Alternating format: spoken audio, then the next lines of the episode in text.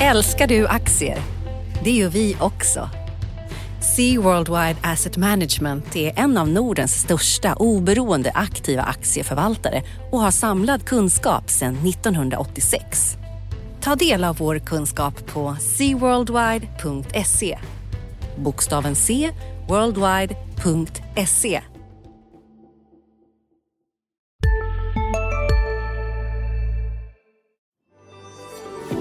Under det gångna året med de stora förändringarna i världen och därmed de stora rörelserna på marknaderna har allt fler fått upp ögonen för börsen, men även investeringar utanför Sverige. Dock är det inte alltid så enkelt att komma åt den här handeln via svenska banker eller mäklare. Men med IG kommer man åt 17 000 olika marknader, aktier, index, valutor, råvaror, krypto och så vidare över hela världen. Det är supersmidigt att handla via datorn eller appen. Gå in på ig.com eller ladda ner IG-appen. Kom ihåg att all handel med finansiella instrument innebär risker. IG.com. Analyspodden från Dagens Industri. Hej och välkommen till Analyspodden, Dagens Industris podd om börs och makro. Eh, jag heter Agneta Jönsson och med idag är kollegan Henrik Mittelman. Hej Henrik! Hej Agneta! Idag är det ju fredag igen och det är fredag den 9 juli och klockan är 10. Och vi ska prata om, Henrik har skrivit en lång artikel i tidningen här om flytt från Sverige som hot mot välfärden och vad det kan bero på. Och det är jag jättenyfiken på att höra mer om. Och likadant ska vi prata om hur det ser ut inför nu rapporterna här för andra kvartalet som för, kommer i veckan. Men först eh, så ska vi prata om det viktigaste som har hänt på makrosidan i veckan. Vad har vi där Henrik? Ja, jag skulle gärna vilja ta upp tre saker. Först och främst fall i amerikanska långa räntor. Det är väldigt spännande. Det är ganska rejäla fall i amerikanska tioåriga statsobligationsräntor. Det var ju de som skrämde upp börsen för någon månad sedan när de gick upp. Och nu blir börsen orolig när de går ned. Det där är lite paradoxalt. Men det vi nu ser med fallet i långa räntor och det vi upplever med det, det är ju frågan, är det så att räntemarknaden nu börjar prisa in en lite sämre konjunktur? Att vi har passerat den där konjunkturuppgången som vi alla ser framför oss, men att man blickar bortom den och tänker snarare och oroar sig för konjunkturnedgången. Kanske till och med så att centralbankerna dödar konjunkturen. Är det det man börjar oroa sig för? Kanske. Och i så fall är det lite mer bekymmersamt. Eh, men jag tycker det är absolut den viktigaste händelsen på, på makrofronten under veckan som har gått. Och det har ju hänt mer på centralbanksfronten här också. Exakt, och då kommer jag lätt in på min andra punkt och det är den Europeiska centralbanken som byter målsättning. Tidigare ville man bekämpa inflationen. Inflationen skulle vara max 2% Nu säger man att den ska vara 2% Det kan ju låta som att det, det, kan ju inte, det låter ju inte alltför dramatiskt och det är det inte heller. Men det är ytterligare ett steg mot centralbanken som blir mindre och mindre inflationsbekämpande och mer och mer inflationsbejakande. Och därmed går man, är man längre och längre ifrån en första räntehöjning eftersom det inte längre handlar om att trycka ned inflationen utan snarare att inflationen ska vara 2 Så att, möjligen ett litet steg för, för mänskligheten men ett stort steg för en centralbank skulle jag säga. Och ganska viktigt för oss alla. För det betyder ju att eh, räntor kommer att vara lägre under ännu längre tid än vad vi kunde förutse tidigare. Eh, är det, vad tycker du, var det en bra idé att göra på det här sättet eller är det bättre att ha fast mål som man haft innan? Eh, jag tycker och tror att det viktigaste för en centralbank är att bekämpa inflation. Nu låter det ju väldigt gammalmodigt och konservativt i dessa tider när alla vill ha lite inflation. Men vi har ju redan inflation. I Sverige ligger inflationen på strax över 2% I USA är den, hela, är den till och med 5 och Jag tror att det är viktigt att centralbankerna fortsätter att bekämpa inflation. Eh, men, men det är ingen på centralbanks, i centralbanksbyggnader runt om i världen som skulle hålla med mig om detta nu. För de har blivit mycket mer lössläppta och liberala och vill inget annat än att ha lite inflation. Sen har det hänt lite på den svenska marknaden här också. Du har ju lanserat den här termen kosläpp, att vi alla ska runt så glada kossor och eh, det har vi tydligen anledning till att göra också. Ja, precis, jag har ju skrivit en hel del om, om, eh, om kosläpp. Eh, att vi nu under 2021 ska ut och eh, ta igen allt det där vi missade under 2020. Och det har vi fått se prov på nu under veckan eh, när vi fick den så kallade BNP-indikatorn i Sverige. Det är en sorts preliminär bedömning av hur BNP utvecklas. Och den var faktiskt upp hela 10 procent. Nu ska man ju komma ihåg att allting är ju som bekant relativt och inte minst inom ekonomi. Och detta är då 10% upp i maj i år jämfört med maj förra året. Och maj förra året var ju sällsynt dystert och deppigt när ingen gjorde någonting. Så då får vi den här uppgången. Men jag tycker det är väldigt positivt. Det finns mycket positivt som händer i den svenska ekonomin. Det är ett kosläpp in real life. Och vi kan också se det till exempel inom industrin. Vi fick ny statistik över orderingång som var upp 33 procent förvisso på årsbasis. Ni kommer ihåg, det var dåligt förra året. Men även om vi tittar till exempel på förändringen på månadsbasis jämför om vi tar fordonsindustrin så var orderingången upp hela 19 procent mellan april och maj i år alltså. Så det där är spännande och det bådar ju väldigt gott tycker jag för de svenska flaggskeppen som ju du följer ännu noggrannare, Agneta. Ja, det håller vi ju koll på och vi ska ju försöka få lite pusselbitar från bolagen i nästa vecka också. Nu har vi bra eh, på börsen här. Vi är upp och var uppe och hade nytt all time high i förrgår här på OMXS30 på 23,60. Och sen på torsdagen så hade vi stökigt. Det var bland annat de amerikanska långräntorna som du nämnde tidigare, här det stora raset i det som ställde till med oreda på börsen. Men nu när vi sitter här och pratar så är vi tillbaka på 2300 igen och börsen är upp 1,2 procent senaste veckan och 23 procent i år. I veckan här har vi fått se en stor affär som Hexagon gjorde. De köpte sitt, gjorde sitt största förvärv hittills utav ett bolag som jobbar med sådana här självständiga system som automation fast med AI så de kan tänka själva. Och eh, det köpte de för nästan 24 miljarder.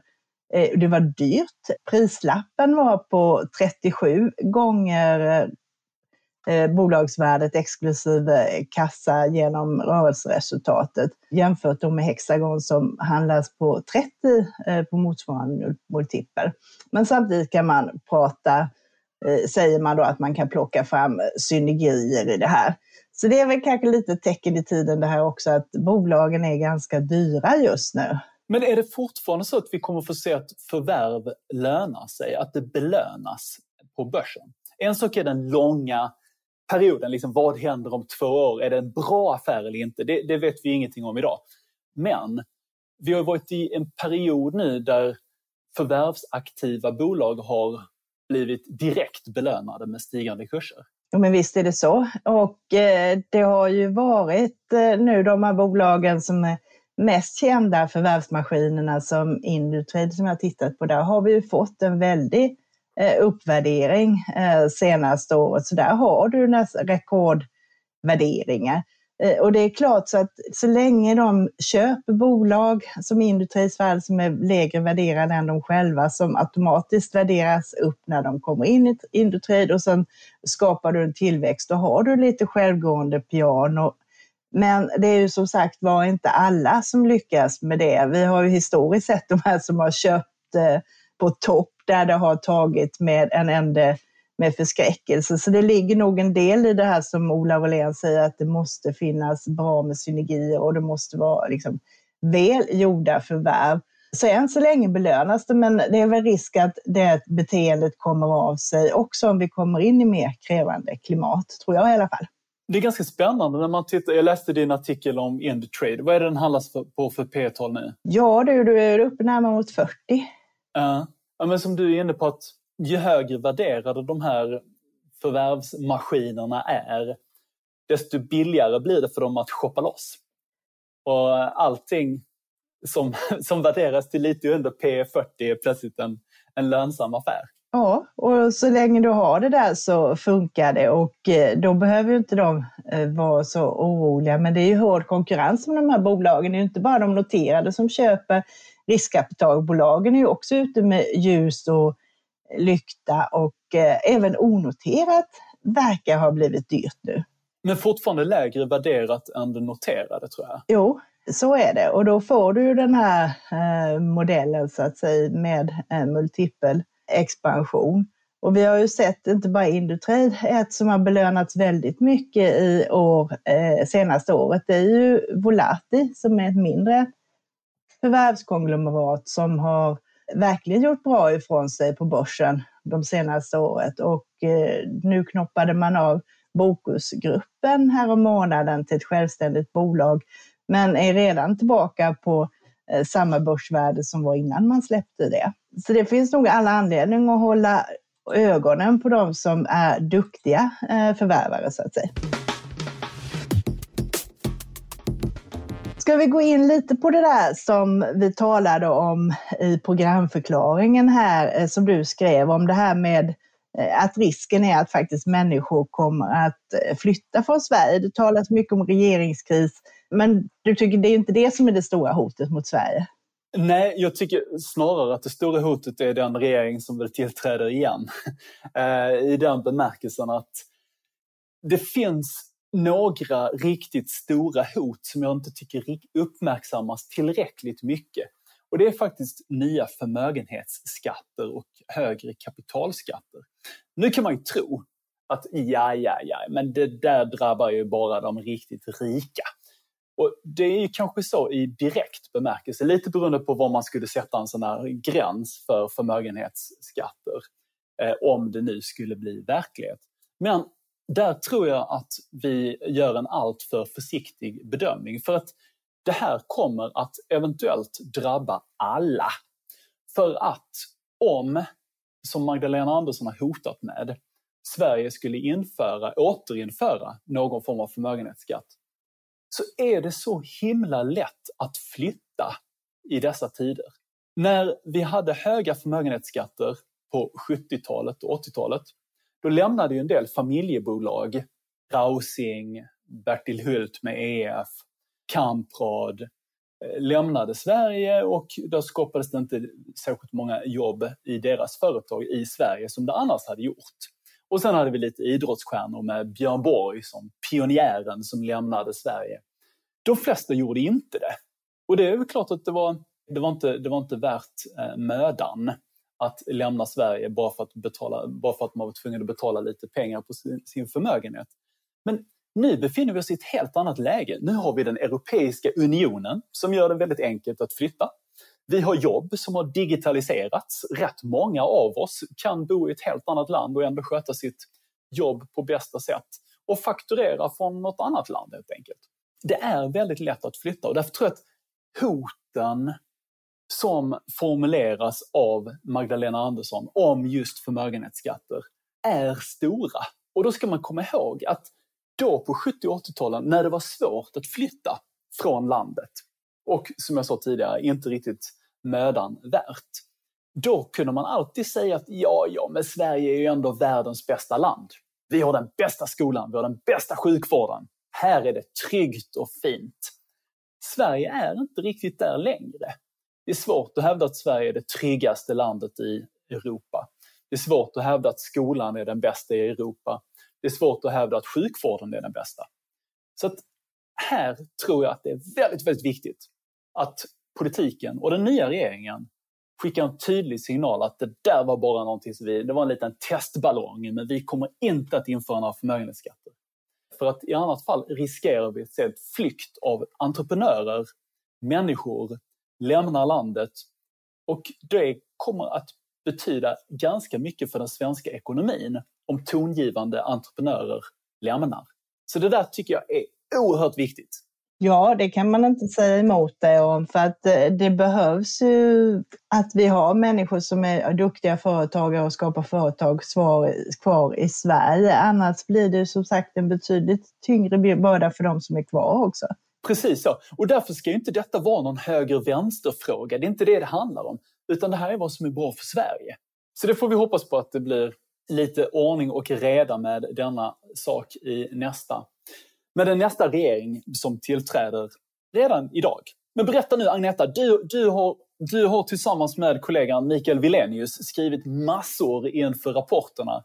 Eh, vi fick enormt fina grafikpaket i, jag tror det var onsdagens tidning, eh, som gör sig extra bra faktiskt på di.se för där kan man ju liksom gå in på de olika rapporterna en efter en på de olika bolagen och se på lite nyckeltal och lite grafer och annat spännande.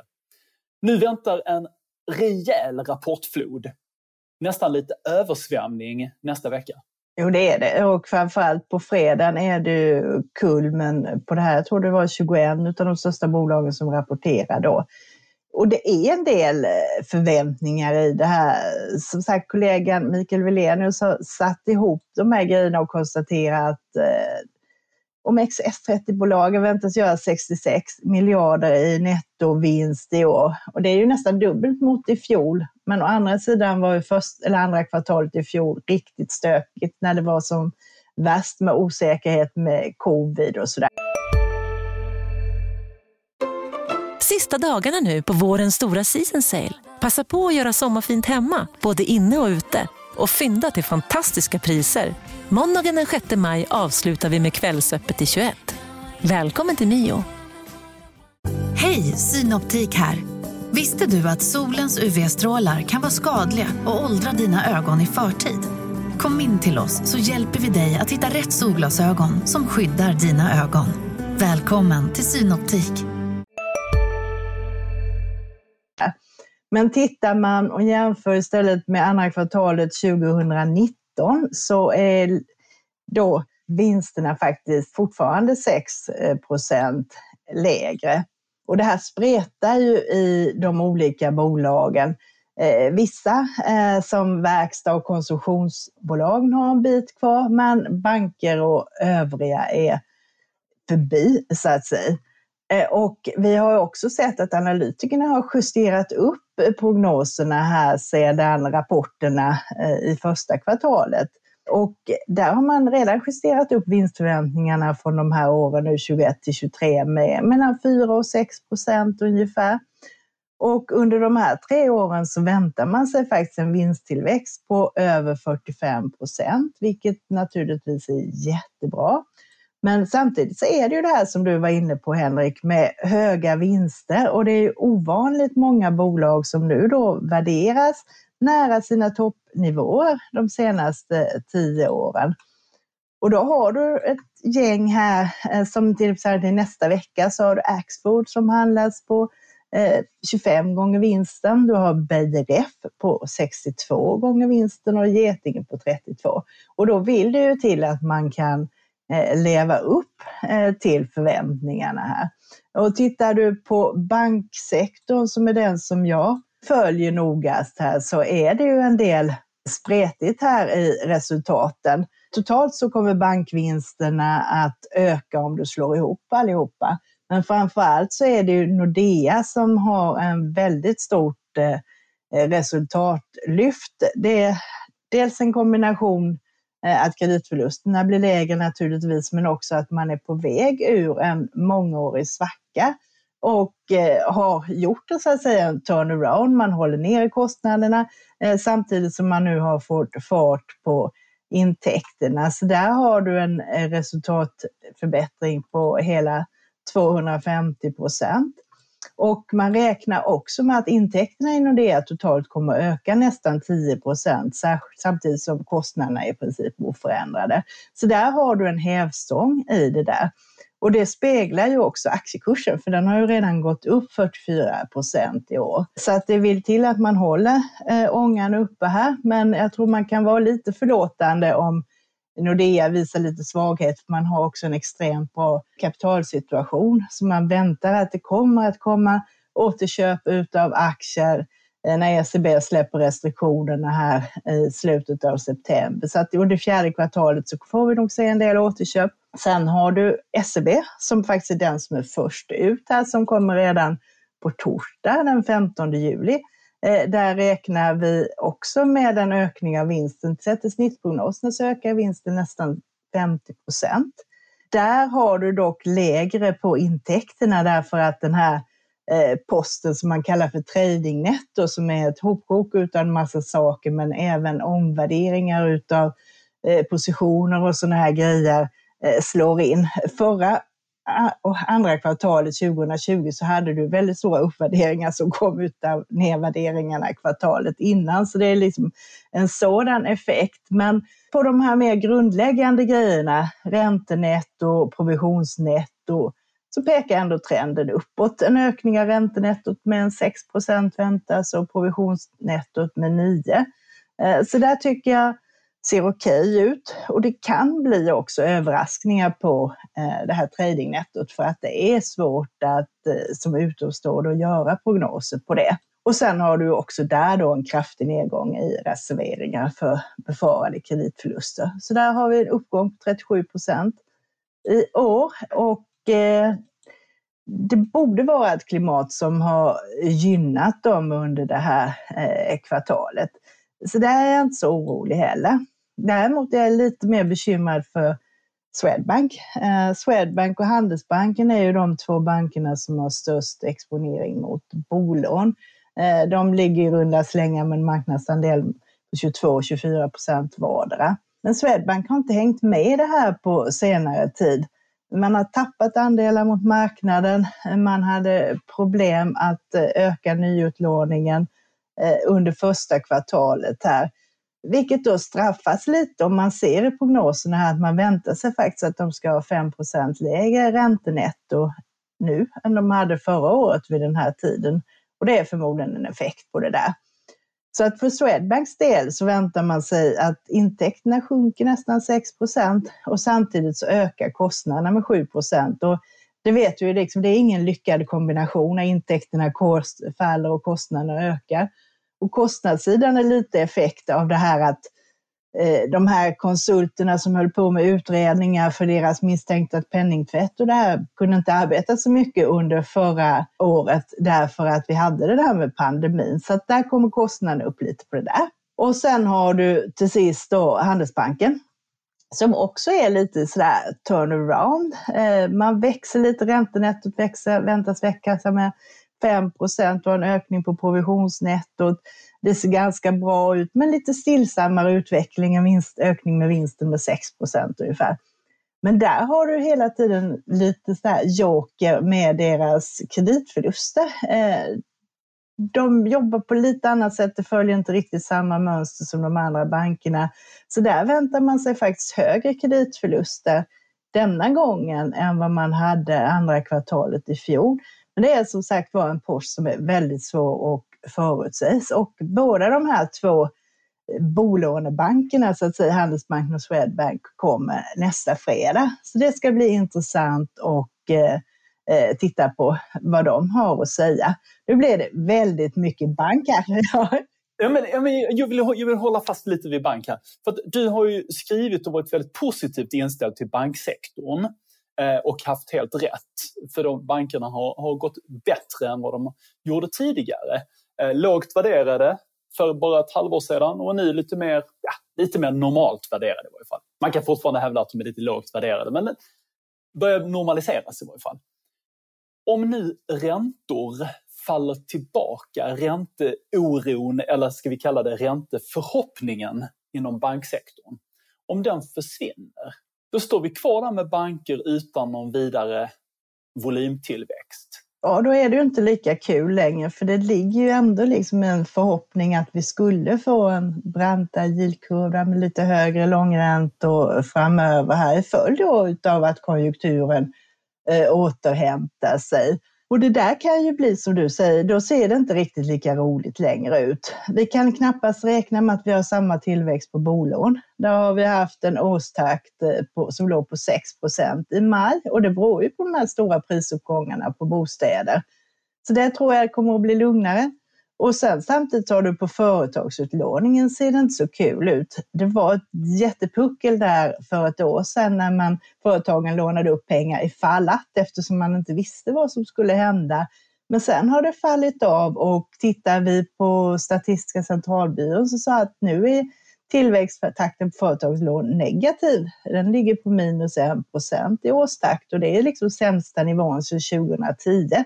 Så där behöver vi få igång investeringar och intresse för företagen om det så här ska hålla i sig. Så att det vill till eh, att eh, ja, både att man levererar eh, som förväntat men även kanske att man är lite ljusare på utsikterna för räntorna. Sen oroar det mig alltid lite när det kommer så mycket uppgraderingar som det har varit nu. Väldigt många analytiker justerar upp riktkurser, väldigt många är positiva till det här. Och det är lite det när alla tycker samma sak. Jag menar då tappar caset fart eh, om man ska vara ärlig. Så jag tror lite försiktigare där. Så jag varnade lite inför det här med rapporten att eh, man ska nog inte ta några stora bett på uppsidan i alla fall.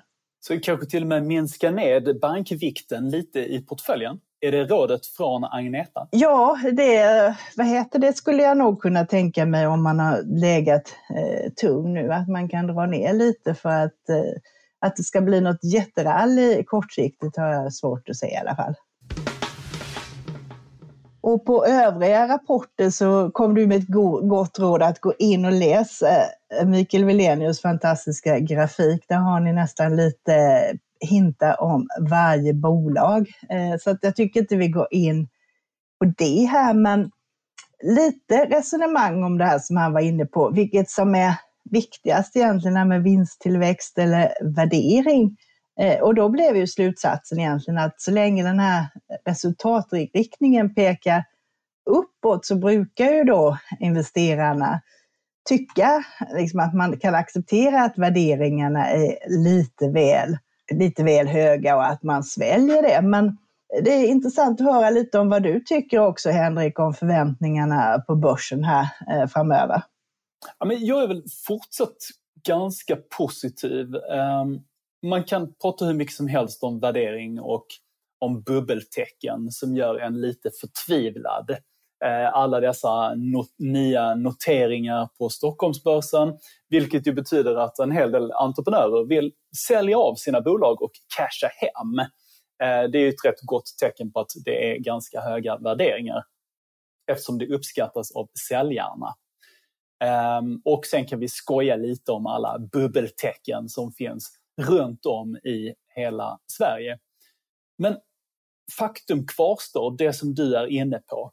Vi har vinsttillväxt, det är fortsatt vinstrevideringar uppåt, skulle jag tro, generellt sett. Kanske då inte i banksektorn som du var inne på, men, men generellt.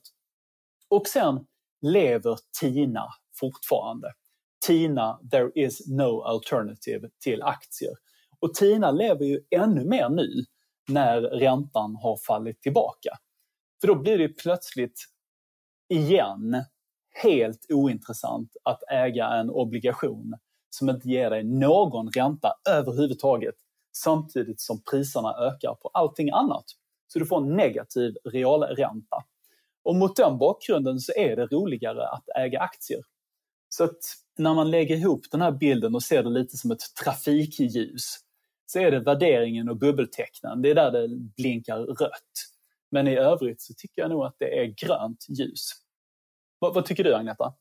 Ja, jag håller med dig och som sagt eh, tittar vi på många sektorer så är det till och med lite så här eh, brist. Vi har ju hela det här med kapacitetsbristen på det, halvledare och sådana här grejer som gör att man inte riktigt kommer ifatt man kan producera tillräckligt men man gör. Och sen har du hela här konsumtions scenariot där många i hela världen har suttit hemma och eh, sparat pengar eh, som också kommer att eh, komma ut och konsumeras på olika sätt i form av resor eller kläder eller andra saker. Och nöjen och käka restaurang och allting sådant som också ger en boost till ekonomin här. Så att grundtecknet är väl att det ser, jag tycker det ser ganska positivt ut men eftersom vi redan har tagit ut så mycket kortsiktigt så kan det nog finnas en risk för bakslag eh, på sina håll. Det behöver inte vara att hela börsen eh, tippar, men vissa bolag ska man nog vara lite försiktiga med helt enkelt. Ska vi säga så? Någonting om veckan som kommer? Ja, vi har ju som sagt var alla rapporterna. Eh, utav de, eh, på måndag är det Kinnevik eh, som jag har skrivit om där du faktiskt har lite det här med hög värdering. Eh, och vi har på tisdagen så är det JM kanske som är den viktigaste rapporten och på onsdag har du eh, Tele2 och Avanza bland annat och sen drar det igång med storbolagen då med SEB eh, Eh, på torsdag och på fredag har du den här, hela den här jättedagen med Atlas och Sandvik och Handelsbanken och Swedbank och Ericsson och 21 bolag. Så där får vi att göra. Eh, men händer det något viktigt på makrosidan då som vi ska hålla koll på? Vi kan ligga lugnt i hängmattan medan ni får jobba på på superfredagen. Nej, på makrosidan är det faktiskt inte så mycket att hänga i julgranen. Det är inflationssiffror från USA på tisdag som eh, sannolikt ligger kvar där någonstans kring 5 eh, uppe på ohyggligt höga nivåer. Men alla säger ju att det där bara är tillfälligt och kommer att falla tillbaka. Vi får väl se. Det är ganska bred inflationsuppgång i USA med allt från begagnade bilar till hundvalpar. Och i Sverige så är det lite samma sak. Det är inflation på onsdag som väntas ligga på strax över 2% Annars är det inte särskilt mycket. Så vi håller oss till rapporterna Ja, då håller vi oss till bolagen nästa vecka här. Har ni ingenting annat för er så kan ni också lyssna på våra andra poddar här i sommar. Vi har ju Digitalpodden som håller på hela sommaren och vi har den här lilla podden varje morgon som heter Morgonkoll. Eh, och det var väl allt eh, för idag då va? Det tycker jag. Tack för att ni lyssnade och eh, trevlig helg allihopa. Tack och hej.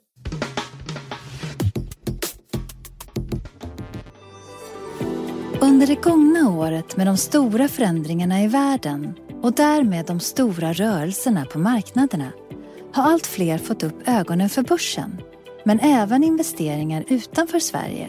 Dock är det inte alltid så enkelt att komma åt den här handeln via svenska banker eller mäklare. Men med IG kommer man åt 17 000 olika marknader, aktier, index, valutor, råvaror, krypto och så vidare över hela världen. Det är supersmidigt att handla via datorn eller appen. Gå in på ig.com eller ladda ner IG-appen. Kom ihåg att all handel med finansiella instrument innebär risker. IG.com Analyspodden från Dagens Industri. Programmet redigerades av Umami Produktion. Ansvarig utgivare Peter Fellman.